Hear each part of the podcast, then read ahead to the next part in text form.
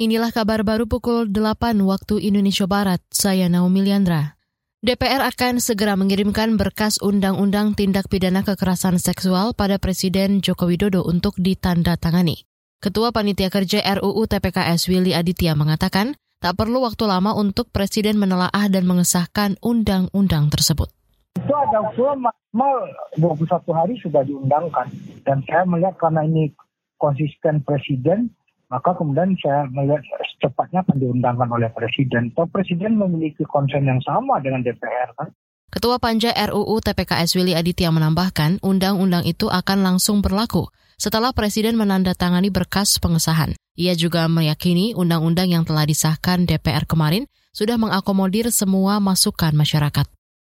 Kasus konfirmasi positif COVID-19 harian mengalami kenaikan. Meski demikian, menurut Direktur Pencegahan dan Pengendalian Penyakit Menular Langsung Kemenkes, Siti Nadia Tarmizi, angka kenaikan ini fluktuatif dan cenderung menurun jika dibandingkan dengan periode waktu yang lebih panjang.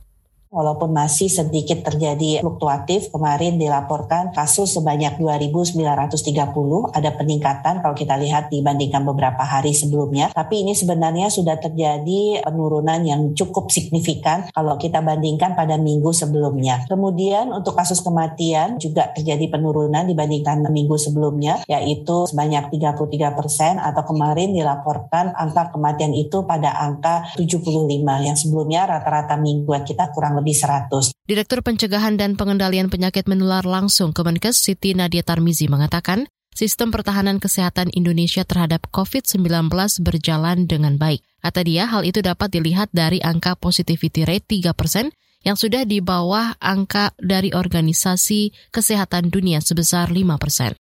Beralih ke berita luar negeri.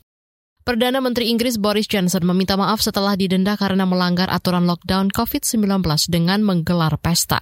Namun, Johnson tampaknya akan menolak desakan untuk mengundurkan diri. Kantor Perdana Menteri Inggris mengatakan denda itu dijatuhkan kepada Johnson karena menghadiri pesta kejutan untuk ulang tahunnya pada 19 Juni tahun lalu.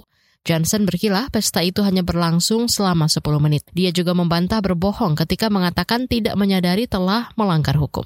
Saudara, demikian kabar baru KBR. Saya Naomi Liandra.